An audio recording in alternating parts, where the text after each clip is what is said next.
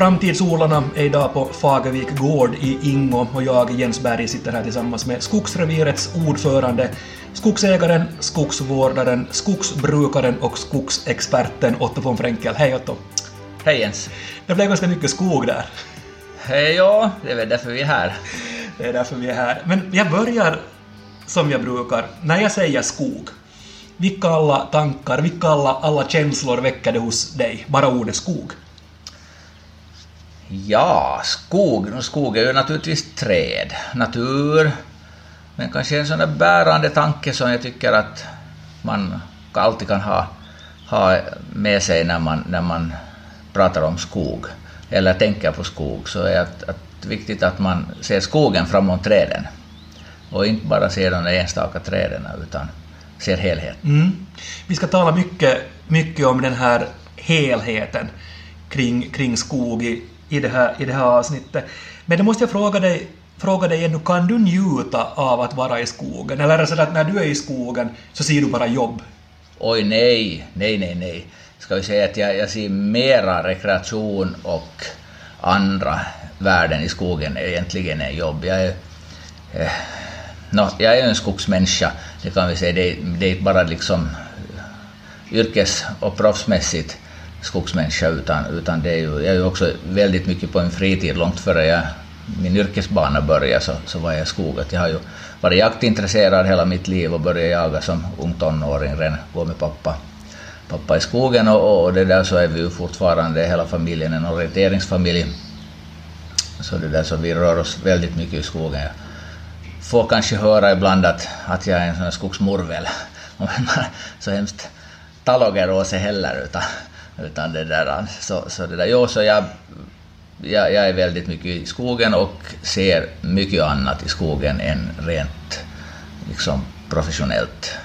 När tycker du att skogen är som vackrast? Vilken, vilken tid på året?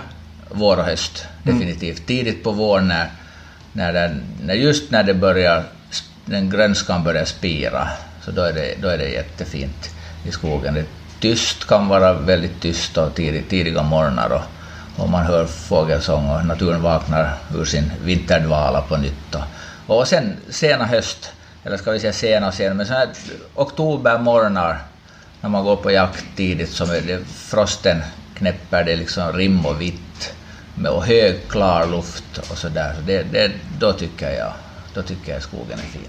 Men ska det vara lite spårsnö då också, eller räcker det att det är rim, rim nej, det, behöver, det, nej, det ska inte vara spårsnö, utan, utan lite ruska liksom färger i skogen och, och, och det där och har varit en fem grader kallt på natten och marken är bar och, och det är rim och, och då, då är det nog också hög luft, solen, man vet att solen kommer snart att börja värma och sådär. Det... Hur, hur ser, det här är säkert världens konstigaste fråga, men jag ställer den, hur ser en perfekt skog ut för, för dig? Perfekt, ja, vad är nu perfekt? Hur ser en perfekt partner ut då? Jag vet! Skönheten finns i betraktarens ögon, säger de. Så, så det där... Eh, nej, no, en, en perfekt skog, jag tycker vet jag...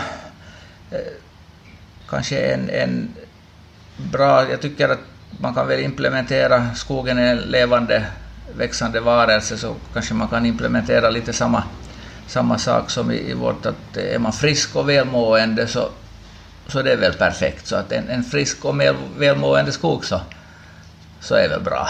Men hur, hur blev det så att, att, äh, att skogen sen blev ditt, ditt jobb också? Alltså du var inne på att, att redan från, från barnsben så har du varit mycket, mycket i skogen via jaktorientering och sådär. Men, men hur, blev det, hur blev det jobb av det sen också? No, I och med liksom... Det är klart att en, en sån här lantbruksegendom så så är skogen en, en del av. Och, och, det där, och i synnerhet här på ett gammalt järnbruk så, så är skogen kanske ännu viktigare och har många anor eftersom skogen har då varit för, för också den här järnframställningen viktig. Så, så, det, där, så det, är, det är ju en näringsgren och, och otvivelaktigt en, en, en av de ekonomiska stöttepelarna. Så på det viset så blev det ju sen ett, ett jobb när man gav sig in i den här banan. Jag måste ta, ta lite bakgrund ännu med dig. För en som inte är så insatt i, i skogsbruk, så hur ser, hur ser livscykeln ut, exempelvis för en, för en barrskog i, i Finland? Alltså från att man planterar till, till att man avverkar.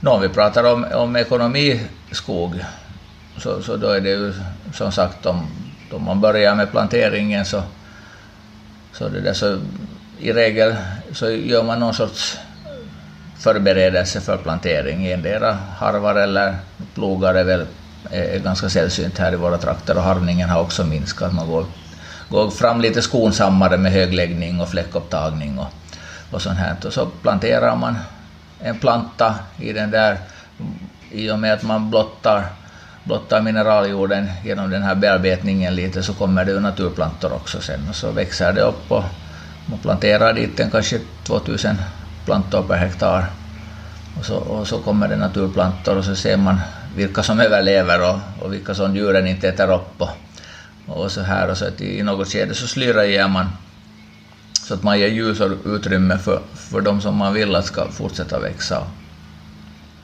Och sen i ett lite senare skede så blir det en, en plantskogs, plantskogsröjning som, som, det där som friställer lite mera utrymme. Och, och så gallrar man två, tre gånger beroende på lite hurdana system man har i, i sin skog och hur effektiv och, och så där man vill vara.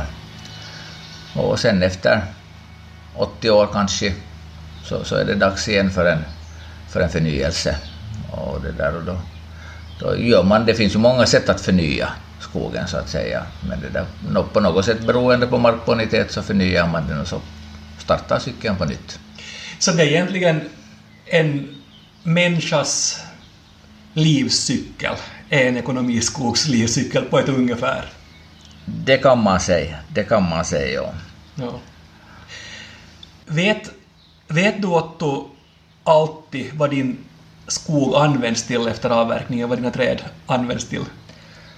Eh, no, alltså i stort sett jo, jag vet ju vilka sortiment det blir av dem. Och jag vet ganska bra till vilken förädlingsanläggning de far, vem som köper dem och vart det kommer ju så att säga lappar på, på, på virkestravarna. Så att eh, på det viset kan jag ju, men inte kan jag ju exakt, jag vet nu att det där går till en, till en såg som, som sågar upp det till timmer för eventuellt husbyggnad eller någon annan byggnadsverksamhet, tall och granskilt.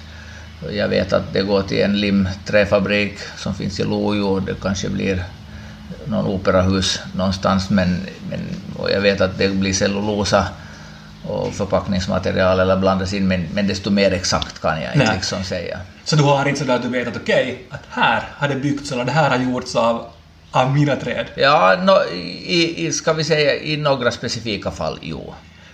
Något speciellt som du tycker att är häftigt? Eh, ja, inte vet jag häftigt och häftigt, men jag har levererat också också det där eh, virket till till exempel stockbyggande, bryggkistor, brofundament, loft. Och så då vet man ju de här specialbyggarna. Och vi har själv byggt också en, en grillkåta för jaktändamål av övergrova tallstockar. Som inte industrin var intresserad så sparar jag dem. Och, och då vet jag ju. Mm. Men ska vi säga den här bulkvaran så, så kan jag nog inte exakt säga vart det går. Det har ju varit så att skogsbruket så har, varit, har granskats ganska tufft i offentligheten på, på sistone, under de senaste åren, att ni skogsägare så avverkar för mycket och, och, och skövlar kolsänkorna. Hur, jag måste fråga dig, hur reagerar du på, på den här tonen i, i offentligheten, den här tonen som har, som har förändrats, vågar jag påstå, under, under de senaste åren? No, jo, inte det är ju inte det är trevligt när, när, det där, när det är vissa, vissa gånger i offentligheten liksom, så, så går man ut med att att det där skogsbrukarna så, så sysslar liksom med någonting dåligt. Och, för så är ju inte fallet. Eh, men skogsbruket som en, eller skogsindustrin och skogsbruket har ju, det var ju en del av det, en viktig del som hämtade upp oss efter våra senaste krig till exempel tillsammans med metallindustrin. Så att, att det är ju produktiv verksamhet som genererar välfärd. Det, det, det ska man komma ihåg. Eh, det är klart att det har säkert också använts lite fel, men, men i stort sett så tycker jag att, att Finland har lyckats väldigt bra med sitt skogsbruk. Vi har ju fördubblat tillväxten på 50 år. Vi har så mycket skog som vi aldrig någonsin har haft i det här landet. Och det där, så nu, nu har vi lyckats kombinera de här, de här båda sakerna, tycker jag är väldigt bra och lite obefogat ibland som man får höra om den här skövlingen. Men får du, får du den där känslan av att man inte litar på er skogsvårdare och skogsbrukare? Inte vet jag varför skulle man inte lita på, men, men det är ju så att vi bedriver ju om vi som skogsbrukare och vi som sysslar med, med ekonomiskogsbruk framför allt, så, så vi sysslar ju med en, en näringsverksamhet som kan jämföras med vilken annan, en, en helt laglig, laglig sådan. Och det där, vi har pengar fast i det och vi måste också få någon sorts ersättning för, för det. Framtidsodlarna är idag i Fagervik, Ingo, och vi samtalar om skogsvård, skogsbruk med Otto von Fränkel. Vi har kommit in på, på lite brännheta ämnen, brännhett tema och det är skogsägarnas ansvar och frihet. Hur ser du på, på den här balansen mellan statlig reglering och markägarnas rättigheter? Ja, alltså nu är ju, ska vi säga, en allmän trend i samhället är väl det att man går mot mer och mer avreglerar olika saker. Och det där, där tycker jag ju igen att, att no, det senaste, när, man, när skogslagen förnyades senast så, så då gick man på samma linje också. Till exempel det, det är inte lika strikt mera plikt att förnya och det övervakas inte på samma sätt. Visst finns det också nämnt i lagen att, att man ska förnya skogen men, men det där, den var ju betydligt mer reglerad förut. Eh, inte ju någon någon att blanda sig i heller liksom hur du sköter, eller hur någon annan sköter sin egendom. Om man har, har man aktier eller något hus eller något så okej, okay, det genomförs gårdstynar och sånt att det nu inte, men, men det där i princip jo, så, så det där så, så man känner på vissa fronter så, så tycker man att man går mot strömmen i det här fallet. Liksom man vill reglera idkande av skogsbruk mera när man då allmänt i samhället går in för att avreglera. Så där, där kanske det finns en viss diskrepans. Va, vad har du råkat ut för? Det, det snackas mycket nu om, om, om landskapsplanen den nya, nya här i, i Nyland. HCV-områden, High Conservation Value-områden med högt miljövärde ska, ska skyddas och det dimper ner hos er skogsägare, sådana här saker. Hur, hur mycket har du varit med? Hur mycket har du så att säga drabbats av det här eller råkat ut för det?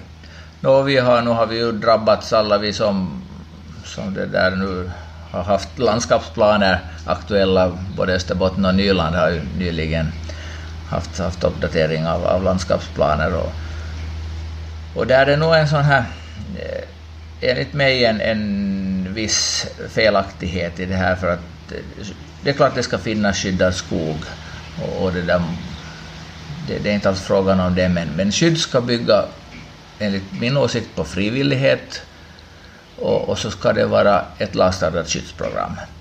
Skydd ska inte bygga på planbeteckningar gjorda godtyckligt av tjänstemän. Så, och, och, det där har, råkar vi nog ut för som, som fastighetsägare eller markägare överlag väldigt ofta nu för tiden. Att tjänstemän i olika, på olika nivåer i, i, vårt samhällssystem så lägger planebeteckningar och, som innebär begränsningar, onödiga sådana. Och dimper det bara ner ett, ett brev i din, i din postlåda där det står att nu är den här marken skyddad? Ja, inte kanske så där bara dimper ner, men det, det kräver idag en otrolig aktivitet själv att följa med och, och, och det där. Och det är också någonting som jag tycker att är tråkigt. Man skulle vilja koncentrera sig på det där riktiga jobbet så att säga och inte bara på att eh, mota Olle i grind eller eh, liksom släcka bränder. Utan det, så att det där, men nu vet du själv att någon liten offentlig kungörelse någonstans så säger man att nu har vi liksom uppfyllt den lagstadgade skyldigheten. Så, så det där, ja, det, Eh, ett större eh, samarbete och en ömsesidig, ömsesidig dialog mellan myndigheter och markägare skulle nog gagna, tror jag, och, och ge en ökad förståelse också på båda sidor. Jag ska gå vidare till en, till en annan sak som, som diskuteras mycket nu inom, inom skog, skogsbruk och skogsvården och det är certifieringen av, av skogar. Kan du enkelt förklara för mig vad certifiering av en skog är? No det, vi har ju två olika certifieringssystem. Eh, man certifierar ju sin skog som ett bevis på att den utnyttjas hållbart och man inte så att säga överavverkar eller lagstridigt avverkar. Det är ju som alla världens andra certifikat som finns för olika industriformer.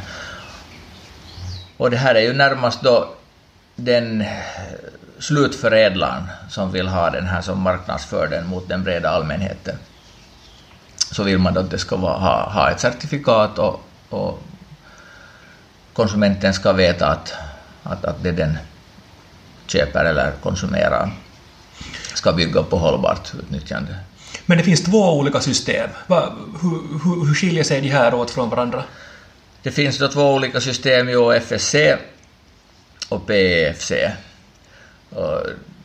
Den FSC-rättigheterna innehar miljöorganisationerna, det, det är liksom deras, och PFC är då ska vi säga, mera skogsägarnas.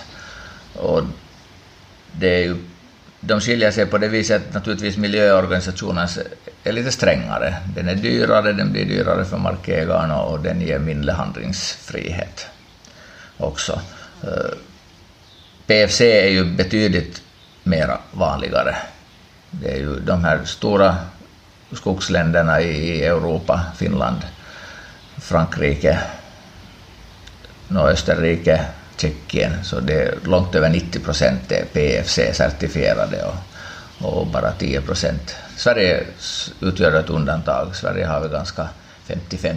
Mm. Men det är 90-10 i Finland också? Ja, ja. 90-10 ungefär. Ja. ja. Och Österrike är väl 99,9 och 0,1. Mm. Ja, där, där är det jättehårt för PFC. Hur, hur ser det ut i dina skogar? Har du både och eller hur? hur Nej, vi har PFC-certifierade som, som alla som är medlemmar i, i, det här fallet i reviret, men en skogsvårdsförening så innehar ett gruppcertifikat på PEFC. Hur, du, du var inne på det där med, med, med pengar. Uh, uh, förklara ännu om, om det där om du har en, en, en FSC-skog, får du mera pengar för det om du har ett sådant certifikat än om du har ett PFC, alltså den vanliga. Hur ska jag kunna definiera det där med säkerhet? Jag vet inte. Nej, nej, det, det är nog som att fråga när du säljer din bil, att om du har nya ringar på den får du mera betalt för den än om du har slitna ringar. Det, det där, det, så det, det var en dum fråga? Nej, det är inte så, men det, nej, det är inte alls en dum fråga. Det är en, det är en väldigt bra fråga och en relevant fråga och det där, men, men jag har inte något svar för att det, det i och med att en väldigt stor del av finska skogarna är på något vis certifierade och så finns ju då de, de som är, står ytter om det här certifikatet och, och, industrin får köpa in, det är ju som med de här alla andra lippo flaggmärkena, liksom inhemska flaggmärkena, att det får innehålla en liten del ocertifierat. Och, det där, och de som nu rider på den vågen så, så säger jag att inte får de något sämre betalt. Senaste undersökning faktiskt som jag läste här i, så sent som i maj så, så frågades det att hur upplever skogsägande artcertifierande någon betydelse och 47 procent upplever att det har ingen betydelse. Och så finns det då en, en, en 18-20 procent eller vad det var som inte kan svara på det och, och endast en tredjedel, cirka 30 procent, säger att jo, det har betydelse. Så att är det då bara ett kryss i affärskontraktet eller genererar det på riktigt någonting? Jag tror att kanske den där värdestegringen mera finns desto större högre upp man kommer i, förädlingskedjan. Att det finns ett certifikat. Att här på på vår nivå så, så är den nog i så fall väldigt liten. Mm. Ja, det handlar ju hela tiden om, om någon sån här kombination av ekonomi förstås, som vilket företagande som, som helst. Det handlar om, om, om våra kolsänkor och sen handlar det hemskt mycket om att, att försöka trygga den ekologiska mångfalden i våra skogar också. Det har varit mycket, mycket snack kring, mm. kring det också. Hur ser du på den här balansen mellan liksom vanligt företagande ekonomi, alltså att få tillbaka pengarna som man har satt in i arbete och, och, och investering, och sen kolsänkorna, de, de behandlar vi den, och sen den ekologiska mångfalden för det, för det tredje. Jag menar, det är väl de här tre sakerna det handlar om hela tiden. Ganska långt, och jag är övertygad om att de går att kombinera. Och här, här skulle jag säga att här, här är en stor, stor möjlighet för det där, om vi nu riktigt går tillbaka till, till grundskola eller folkskolenivå som man själv har gått och pratar om kolsänka, så det där så, vad är det ju som, som ger en kolsänka? Det är ju fotosyntes, det vill säga växande vegetation. Och, och det finns ju ingen annanstans än i skog, på åker och, och sen i, i världshaven. Men, men världshaven kan vi inte påverka så mycket, så då, då har vi kvar liksom bara åker och skog. Och, och Finlands yta är väl täckt till 90 någonting procent av skog, så att skogen är definitivt, om vi ska ha en lösning på det här, så är det skogen som ska ge den där lösningen. Och desto bättre skogen växer, så desto mer binder den kol. Så det, det, är liksom, det är ju också en, en helt klar sanning, det kommer man inte ifrån. Sen gammal skog så blir ju också en, en kolreserv visserligen, så, så den liksom lagrar kol. Medan sen när den blir helt skruttig och börjar bara ruttna, så, så det där så, så då avger den kol och då, då är det liksom minus. Så det, det, ska vi inte släppa den till. Och nu diskuteras det ju väldigt mycket att, att borde sådana här eh, improduktiva ängsmarker som, som är väldigt rara och, och sällsynta, där borde de borde man plantera in dem i skog för att öka den här kolbindningen mm. och på det viset ännu, ännu. Men då, medaljen har ju alltid två sidor och det har försvunnit, på den här, när kreaturskötseln har minskat i landet så har ju de här, de här, de här kulturbiotoperna minskat enormt, enormt i det där i, i areal eller antal. Så där har ju jag tror att också en fjärdedel av alla utrotningshotade arter finns i de här gamla kulturbiotoperna, som kanske lite klassas som skogsmark. Och då säger man att det är skogsbruket som är, är, är boven till det, och skogsbruket eller skogsmarken får liksom skulden för det här. Men de facto är det ju inte det, utan det är ju den betesgången som är borta som, som har gjort att, att vi tappar de här. Men sen är det väl så också att andelen död skog som lämnas kvar, alltså nu talar vi om, om, om stubbar och liksom den typen av saker som behövs, som vissa, vissa utrotningsarter, uh, eh, utrotningshotade arter behöver, att, att det har ökat, liksom andelen död skog som lämnas kvar så har under det senaste decenniet märkbart ökat. Jo, det har det hade gjort och, och man är ju också skyldig när man gör avverkningar att lämna död ved kvar. Och där, men där måste vi komma ihåg att, att det är också en, en balansgång som vi måste ta i beaktande att, det, att den, vi måste sköta om skogshygienen.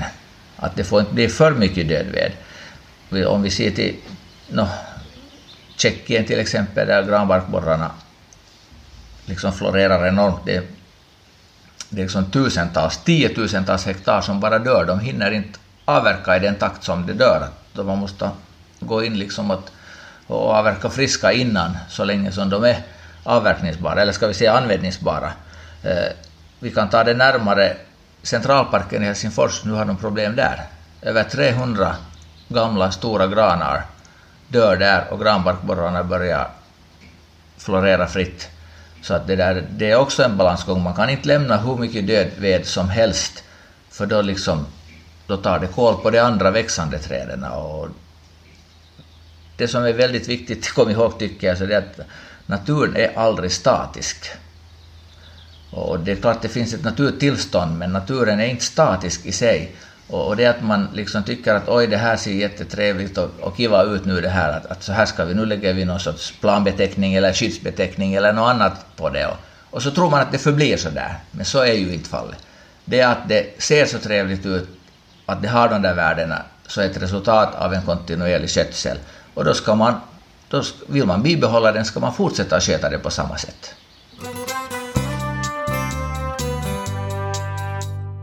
Dagens framtidsodlare är Otto von Frenkel och jag tänkte att vi avslutningsvis i det här avsnittet skulle blicka framåt lite grann. Om vi ser på trä som råvara, hur förutspår du, eller hur tänker du att efterfrågan på, på trä som material kommer att utvecklas, säg under det kommande decenniet? Jag tror att det, det kommer att hållas på nuvarande nivå eller också öka. Att det är klart att vi kan ju inte, vi kan inte överavverka med det där, men, men vi ska ju avverka. Skogen är en, en förnybar naturlig resurs som, som vi ska utnyttja när vi har alla de här fördelarna med kolbindning och allt som, som, som vi har där. Så att, och, och, så ska man ju också komma ihåg att eh, de produkter som framställs av trä, det är ju ändå en, en global marknad och en global efterfrågan på de där varorna som framställs.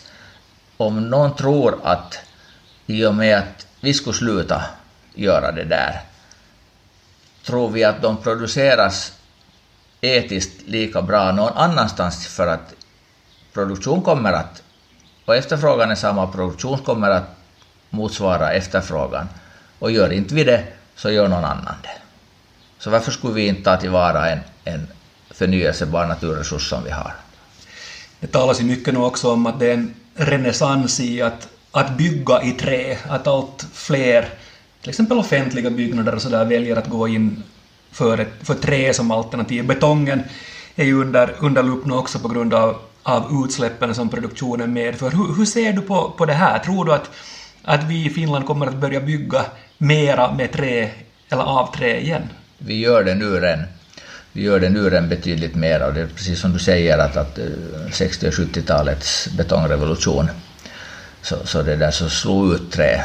Men, men, det där, men, men nu kommer vi ju igen. Det, det är bara synd att jag tror Eh, den bästa kunskapen i träbyggande finns i Österrike idag i, i Europa. Och, och, det borde ju inte vara så, utan det borde ju vara finska ingenjörer, finländska ingenjörer som kan det där. Jag tror helt, desto, det som man använder trä till, desto längre livslängd den har, så desto mer binder det ju kol. Så att trähusbyggandet, ett, möbler och annat sånt här är ju ett väldigt miljövänligt sätt också att använda trä. Så, så det, där, det, det kommer, det, kommuner bygger i trä, det byggs skolor, höghus i trä idag som, som fyller det effektivt elementbyggande liksom, så det, det kommer innovationer hela tiden.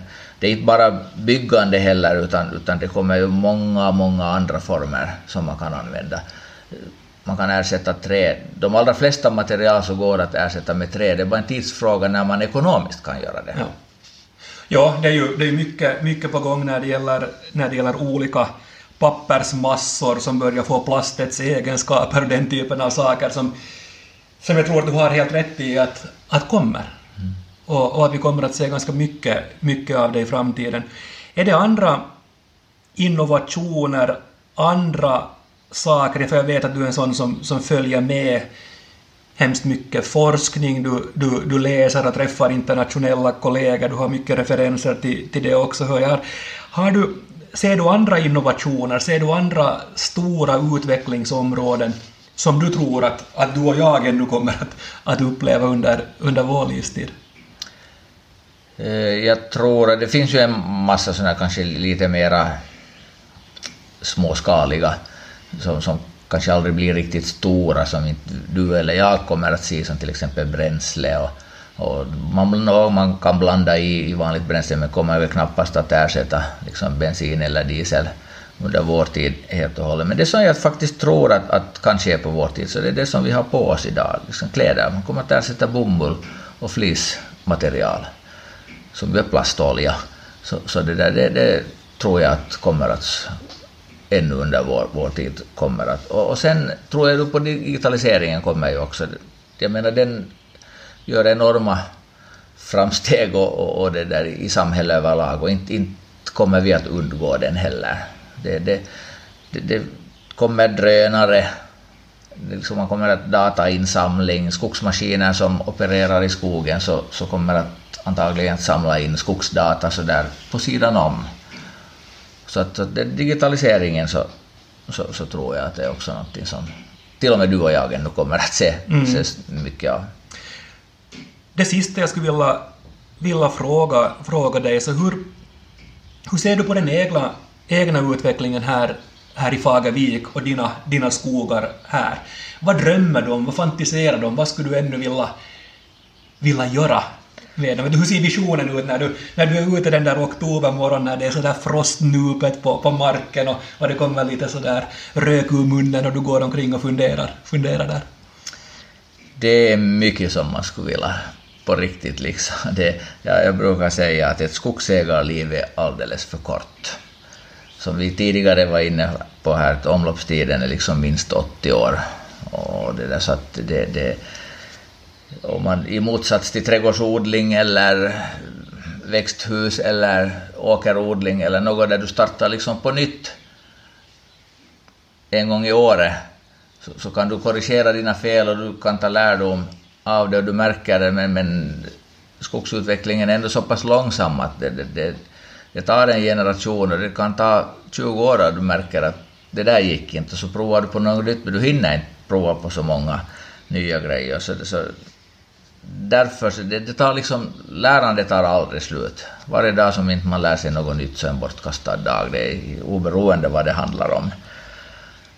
Så, så, så jo, det finns, svar på din fråga, det finns väldigt mycket jag gärna skulle ännu göra, men småningom, jag har ju största delen av mitt skogsägarliv säkert bakom mig redan i det här skedet. Men, och något annat som jag skulle hoppas, så där överlag i samhället, så är ju att de här motsättningarna skulle ta slut.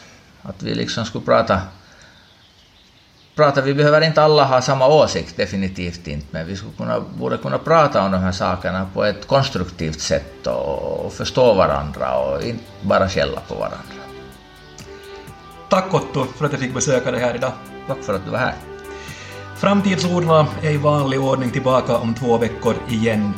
Mitt namn är Jens Berg, på återhörande.